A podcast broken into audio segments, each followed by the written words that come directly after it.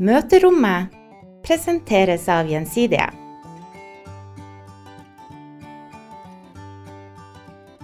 Velkommen til møterommet, rommet for samtaler om livet på jobb og verden utenfor. Mitt navn er Marie Brudevold. Og jeg heter Line Marcelius. Dette er episode nummer 11, spilt inn 20. februar 2019. Yes, Line. Vi har tatt med podden ut på tur igjen. Det har vi. Ut på tur aldri sur, Marie. Yes. I dag er vi på besøk hos eh, Søta Bror, som vi liker å kalle det i Norge. Vi er i Stockholm, en vakker by, eh, hvor ett av Gjensidige sine tre kontorer i Sverige ligger. Um, og aller først så skal vi starte med noe litt nytt her i bloggen. Vi skal jo tenke nytt og ta sats i Gjensidige. Derfor så har vi innført tre faste spørsmål til alle gjestene våre. Og da syns jo ikke jeg at vi kan være noe dårligere enn at vi også starter med oss sjøl. Er du enig i det? Ja, vi må starte med oss selv. Jeg fyrer løs, jeg. Ja. Første spørsmål. Hva var den første tanken som slo deg da du så deg sjøl i speilet i morges? Gå og legg deg igjen, tenkte jeg. Interessant, så du var trøtt. Jeg var trøtt. Nei, det var veldig god seng. De har eh, gode senger her i Sverige. Liker å være på hotell. Ja. Hvis du kunne få nøyaktig hvilken jobb som helst i hele verden, hvilken jobb skulle du ha hatt? Den måtte jeg tenke litt på. Jeg er veldig glad i å reise, men jeg er også relativt god i stalking. Så jeg tror jeg hadde vært en veldig god privatetterforsker. Nei, nå trodde jeg nesten at du skulle bli profesjonell stalker. Det er vel kanskje noe Nei. litt annerledes. Jeg tror ikke det er lov. Interessant. Ja. Og helt til slutt, da. Hvis du kunne ha fått møtt hvem som helst, død eller levende, hvem ville det ha vært? Det ville ha vært Dr. Phil. Åh, Alltid vært glad i Dr. Phil. Elsker, elsker Dr. Phil. Ja. Ja. Jeg begynte faktisk å blogge om livet med Dr. Phil. Fantastisk. Ja, da var det din tur, da. Hva var den første tanken som slo deg da du så deg selv i speilet? Hjelp. Hjelp. Det, det var vel det. Det er det som slår meg hver dag. Og så må jeg bare bite tennene sammen og gripe dagen. Eh, hvis du kunne få nøyaktig hvilken jobb du ville, hva skulle det vært? Det tror jeg ganske mange vet allerede, da. Jeg er jo veldig glad i kongefamilien, og det er jo åpenbart at jeg burde blitt kronprinsesse av Norge. Ja, Så du ville dytta Mette-Marit ut av Glatt. Glatt. Ja. ja. Eh, Hvis du kunne fått et møte med hvem som helst, død, død eller levende, hvem ville det vært? Jeg må jo ty til kongefamilien igjen. Jeg skal jo i privat audiens på Slottet. Det er jo sånn tiårsplanen min, egentlig. Ja. Så um, dem som hører på som har noen kongelige forbindelser, det er bare å ta kontakt. Jeg er klar.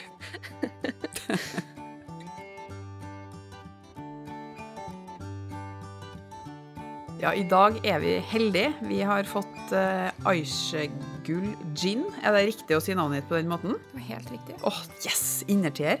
Eh, du er jo leder i Sverige, og du er hjertelig velkommen til møterommet. Hei, hei. Hei, tusen takk. Eh, aller først så eh, skal vi varme opp med noen spørsmål. Det er den første av mange episoder med de her faste spørsmålene.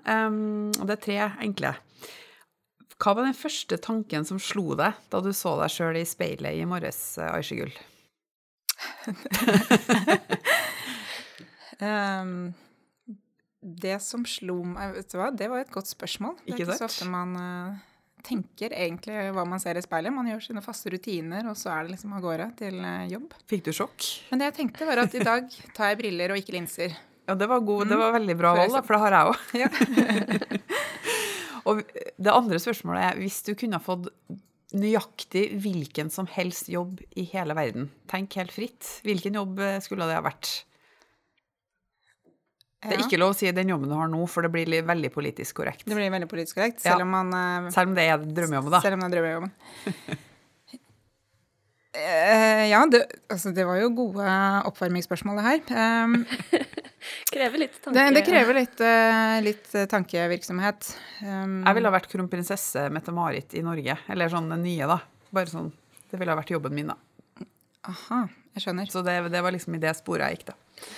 Nei, hva skulle jeg vært da? Hvis jeg hadde vært altså, superflink på altså, et matematisk geni, eh, så kunne jeg tenkt meg å være, eh, altså, jobbe som analytiker nå, for det er jo spennende, spennende tid å være analytiker i. Så det kunne jeg tenkt meg å ha vært morsomt. Akkurat. Interessant. Ja, men da har du en, kanskje en framtid der eh, om Kanskje, noen år, da. ja.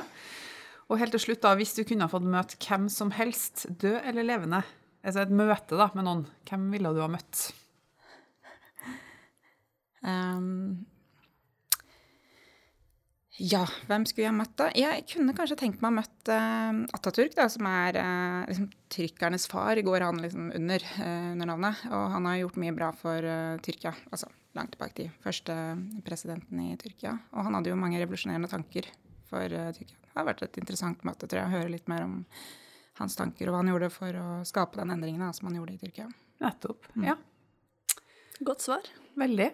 Eh, da kan vi jo bare gå rett på eh, dagens eh, tema. Du, du er jo fersk, relativt fersk leder i Sverige. Mm. Gjort et sånn byks ut av den norske, trygge hulen. Ja. Og så har du vært gjensidig i ganske mange år, så vi er jo litt spent på å høre om den reisen din fra første, første dag på kontoret og til der du er nå. Kan du bare dra oss litt kort gjennom din reise gjensidige? Min reise gjensidige, den startet jo Altså, jeg gikk jo på NTNU i Trondheim da, så i, i 2006 tror jeg det var Gjensidig hadde en uh, presentasjon i, i, i, Trondheim på NTNU. Og de snakket om uh, trainee-programmet sitt. da. Uh, så ellers så, så, så hørtes jo det veldig interessant ut. Ellers så må jeg innrømme at jeg ikke hadde tenkt på Gjensidige som et arbeidsplass før det. Gjensidige har nok endret seg ganske mye fra 2006 til i dag hva ja, å appellere til unge, nyutdannede folk. da. Men uansett, så dette trainee-programmet hørtes jo fantastisk ut, så det tenkte jeg det ville jeg søke på. Uh, og jeg søkte og fikk uh, jobben. Uh, og det var egentlig min inngang i, i, til selskapet. da. Så da tenkte jeg jo nok dette trainee-programmet blir bra. Jeg tror liksom fem år tror jeg blir bra her i Gjensidige, og så kan jeg liksom se etter litt andre muligheter. Og, men så har fem år blitt til da tolv, over tolv år. Så jeg har uh, gjort ganske mye forskjellig på de tolv årene. Det har vært i Norge alle rollene, men det har vært i, ja, vært i privat, det har vært i næringsliv, jeg har vært i skade. Uh, jeg jobbet uh, en del år med ja, som prosjektleder for ulike typer prosjekter, store og små. noen år som jobbet jeg med oppkjøp i M&A-avdelingen sammen med Mats Gottschalk. Og så var det da ja, det var jo mange som eh, tullet litt med meg òg. Liksom, nå har det vært overalt, hva skal du finne på nå? Så nå har jeg kommet til Sverige. Fantastisk. Tenkte jeg, Nå må jeg utforskes uh, utenfor Norge også. Det er jo et godt tegn. at uh, Jeg fikk jo beskjed første dagen at her blir du til du får gullklokke, var det en som sa. Har vi fortsatt gullklokker? Det, det er en myte. Det må du, du må, må ikke være noen Du må være i 15 år til, ja. så får du kanskje se. Okay. Men det er jo kjempebra, kjempebra for dem som er ganske nye i en side å se at det er muligheter det er absolutt muligheter. Og det er jo flere av oss som gamle traineer holdt jeg på å si, som fortsatt er i selskapet. Da. Så det har vært en eh, fin utvikling for mange å jobbe gjensidig. Mm.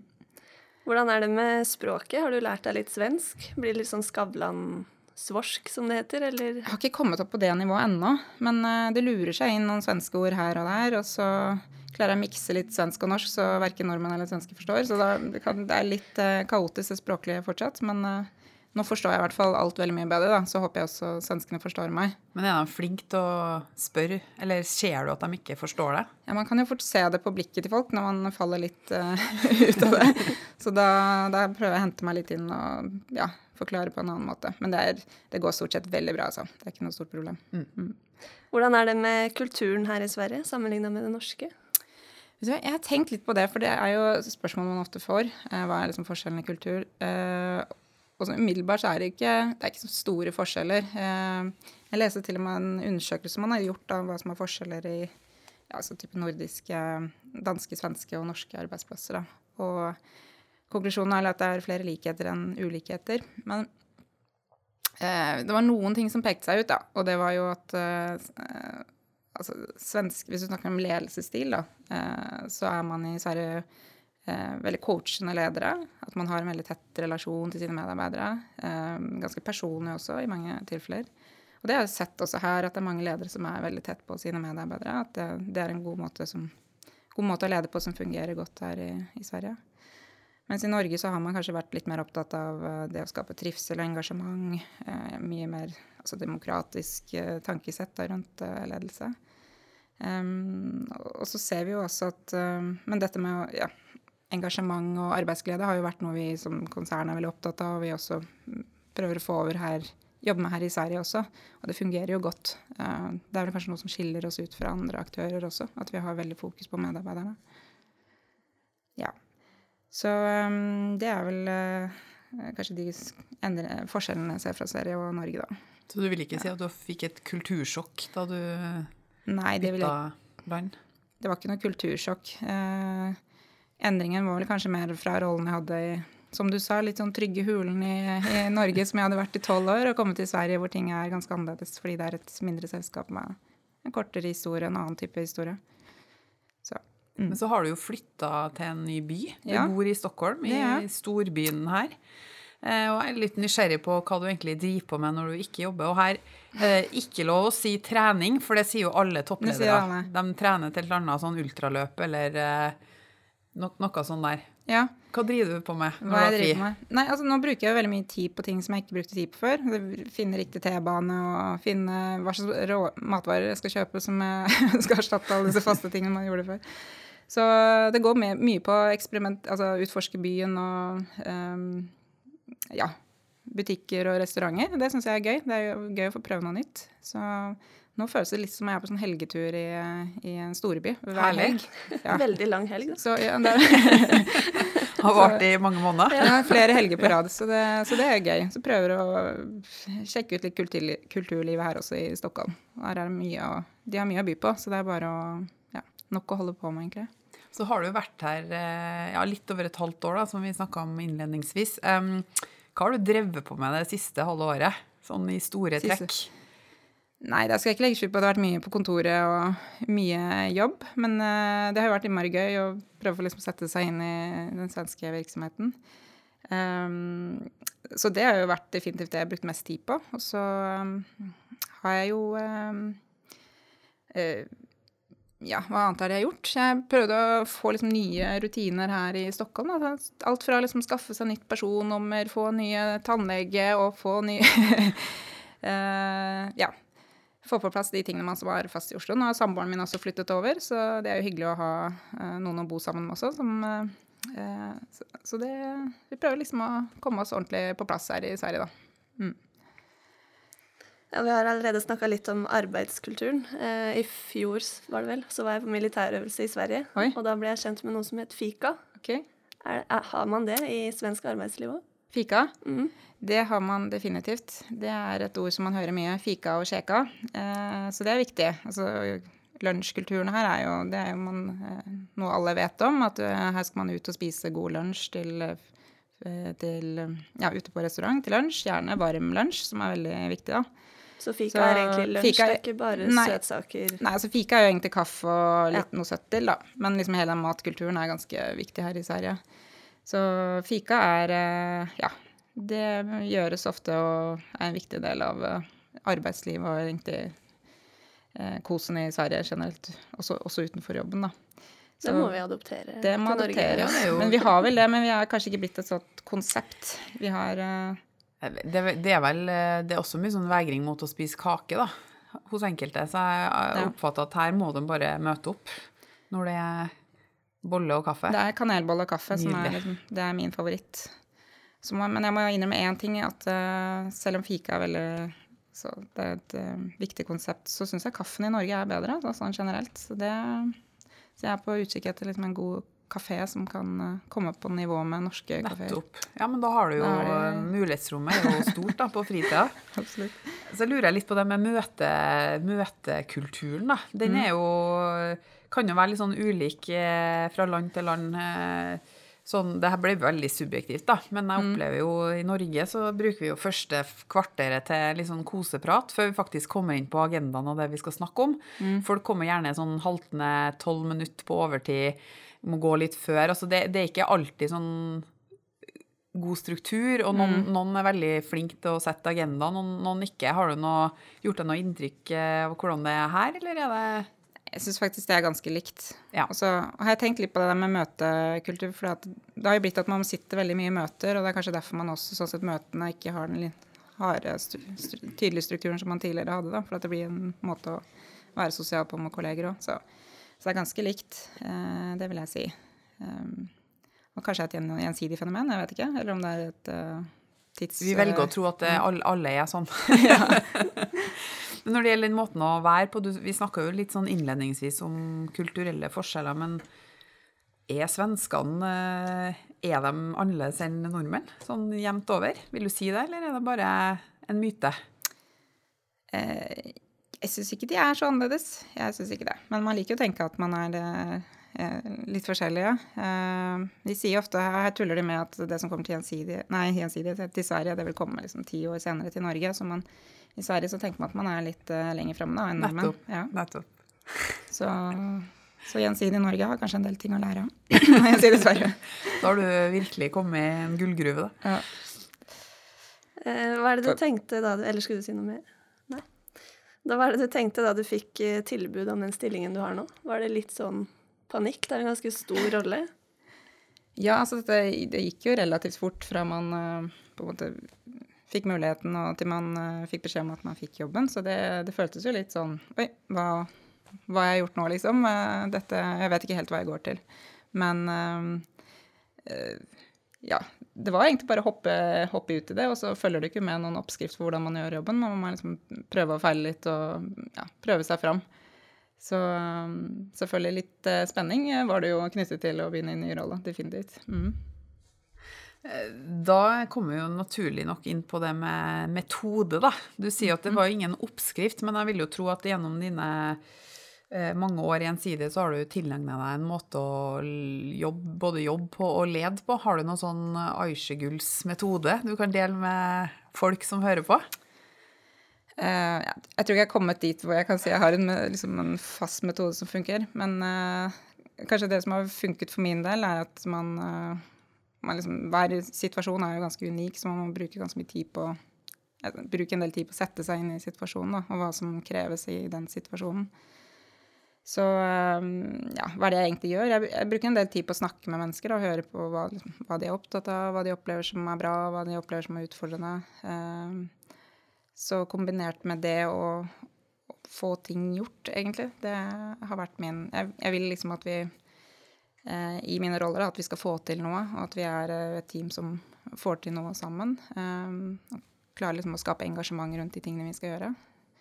Så, så Kall det Det er min metode. Eh, blanding av det å være åpen og snakke med folk og få innspill, men samtidig da også komme og gjøre jobben. Gjøre jobben, rett og slett. Mm. Men Opplever du at folk er ærlige med deg? Altså, du er jo ganske ny fortsatt da, for veldig mm. mange.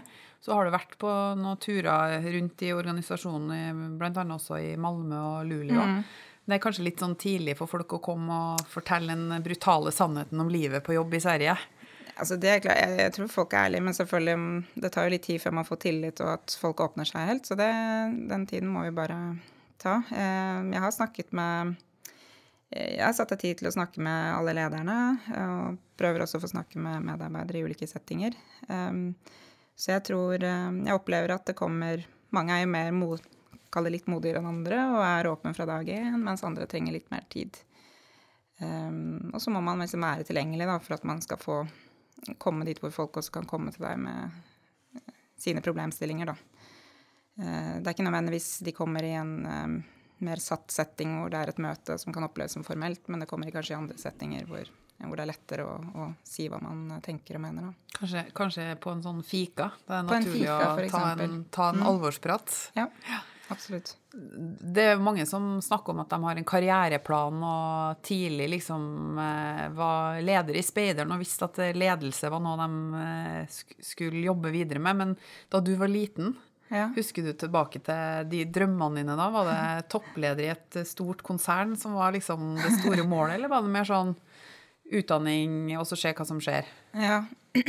Nei, da jeg var liten, så var jeg veldig Ja, jeg ville være forskjellige ting til forskjellige tider. Men jeg husker en lang periode hvor jeg, jeg så veldig mye på Indiana Jones-filmer, så da skulle jeg bli arkeolog, da. Så det var ikke noe leder, lederdrømmer der. Eh, jeg kan si jeg var nok ganske sjenert som liten, så jeg har nok aldri vært eh, den som eh, Hva skal jeg si var klasserepresentant og leder for Speideren, som for øvrig jeg ikke har vært i. Men jeg har nok eh, alltid følt på litt sånn ansvarsfølelsen. da. Man liksom få eh, ta ansvar og gjøre de tingene man mener er riktig å gjøre.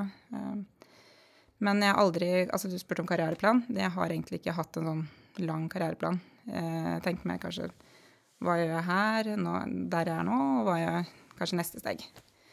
Så um, Og det har funket for meg. Jeg syns de jobbene jeg har gått i, har vært spennende. Og det som mye har drevet meg, har vært å lære nye ting i de nye jobbene jeg kommer i. Prøve liksom å løse den oppgaven man får der og da, på en god måte. Du snakka jo litt om det med sjenanse. Ja. og det er jo sånn buzzord i mange stillingsannonser at du skal være sånn ekstrovert, ja. dynamisk, pågående. Ja. Har du liksom opplevd at personligheten din har har den vært noen, en begrensning for deg, eller mer en sånn mulighet? For det er jo litt interessant. Vi har jo mm. snakka med bl.a. Siri Konradi tidligere om det med personlighet og mm. mulighetsrom. da. Um, hva tenker du om det? Nei, altså jeg, jeg, er jo ikke den veldig typisk ekstroverte lederen. Jeg er nok ikke introvert heller, men noe midt imellom. Så tror jeg nok at eh, det at jeg ikke har den ekstroverte ytre, da, kan jo folk oppleve at jeg kan være litt forsiktig, noe jeg egentlig ikke er. Men eh, jeg bruker nok eh, litt mer tid før jeg på en måte eh, er tydelig på hva jeg ønsker, da. Ehm, så jeg har fått tilbakemeldinger om at jeg bør ta litt mer plass og den type ting. Så det tenker jeg ehm, Det er viktig å gjøre litt for å vise også at man er en leder, at man tar den rollen man skal ta. Um, samtidig har jeg ikke opplevd at det er et problem for, for, hva jeg ønsker å gjøre. Fordi jeg tenker det er faktisk hva du gjør, som også er viktig.